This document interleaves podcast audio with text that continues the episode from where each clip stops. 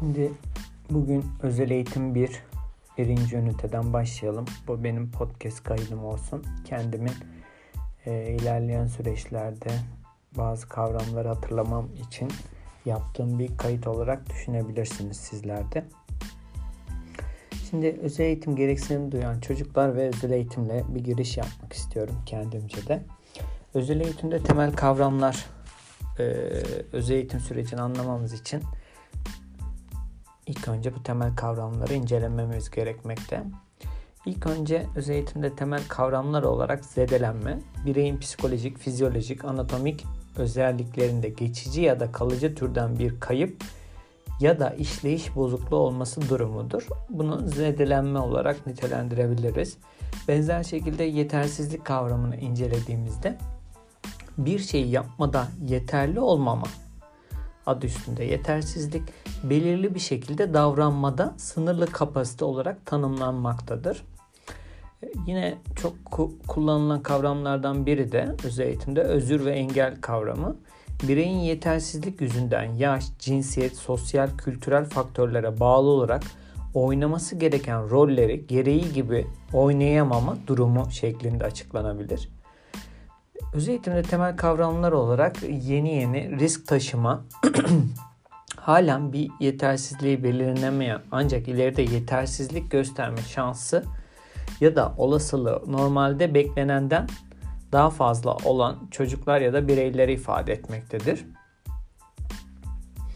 Özel eğitime gereksinim duyan çocuklar kimlerdir? MEB'e göre bu tanımı incelediğimizde özel eğitim hizmetleri yönetmeliğinde tanımlamasına bakarsak özel eğitim gerektiren birey çeşitli nedenlerle bireysel özellikleri ve eğitim özellikleri, yeterlilikleri açısından akranlarına göre beklenilen düzeyden daha anlamlı farklılık gösteren bireyler şeklinde tarif edilebilir.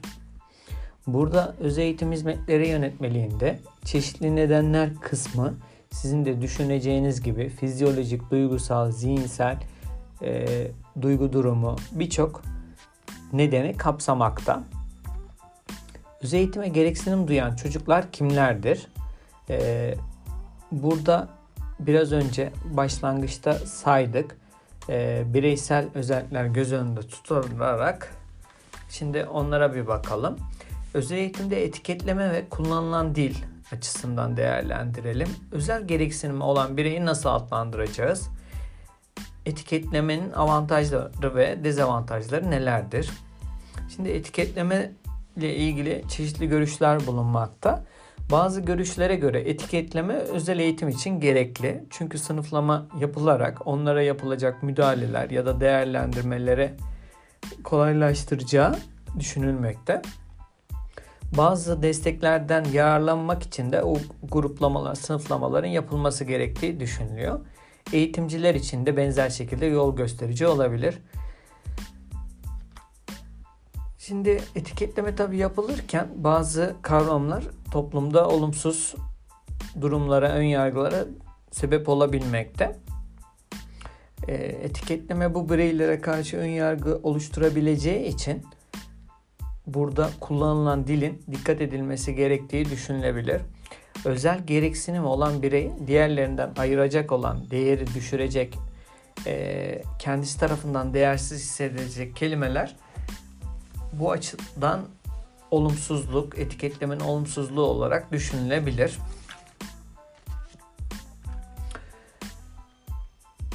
Etiketlen, etiketleme olmadan özel eğitim hizmetleri sunulabileceği de söylenmektedir. Burada özel eğitimciler özel gereksinim olan öğrencilerin öğrenme gereksinimleri dikkate alınarak yapılacak programa göre sınıflandırmayı önermektedir iyisel değerlendirmenin ön plana çıktığı bu yaklaşımla öğrencinin gereksinimleri de öz bakım becerilerini geliştirme şeklinde ifade edilir. Tüm bu uygulamalar bireyselleştirilmiş eğitim planının hazırlanmasına katkı bulunacaktır. Şimdi öz eğitim nedir? Öz eğitimi genel eğitimden ayıran özellikler nelerdir? Kimleri kapsar? Ee, nasıl öğretir? Nerede eğitim yapılır şeklinde ilerleyelim. Öz eğitim Amerika Birleşik Devletleri'nde yayınlanan e, IDEA dediğimiz yetersizliği olan bireylerin eğitimi yasası 1975 yılında yayınlandıktan sonra e, özel eğitim alanındaki en önemli yasalardandır. İdeaya göre özel eğitim, özel gereksinim bir çocuğun benzersiz ihtiyaçlarını karşılamak için özel olarak tasarlanmış öğretim şeklindedir. E, MEB'e göre özel eğitim nedir? Ona baktığımızda özel eğitim gerektiren bireylerin eğitim ve sosyal ihtiyaçlarını karşılamak için özel olarak yetiştirilmiş personel, geliştirilmiş eğitim programları ve yöntemleri ile özel eğitim gerektiren bireylerin bireysel yeterliliklerine dayalı gelişim özelliklerine uygun ortamda sürdürülen eğitim olarak ifade edilebilir. E, MEP'in tanımını da e, biraz daha ideanın tanımına göre daha genişletilmiş, daha açıklığa kavuşturulmuş gibi düşünülebilir. Özel eğitim, özel gereksinim olan bireylerin bağımsız yaşama olasılığını en üst düzeye çıkarmayı hedefleyen, bireysel olarak planlanan, sistematik olarak uygulanan, dikkatli bir biçimde değerlendiren öğretim hizmetlerin bütünüdür.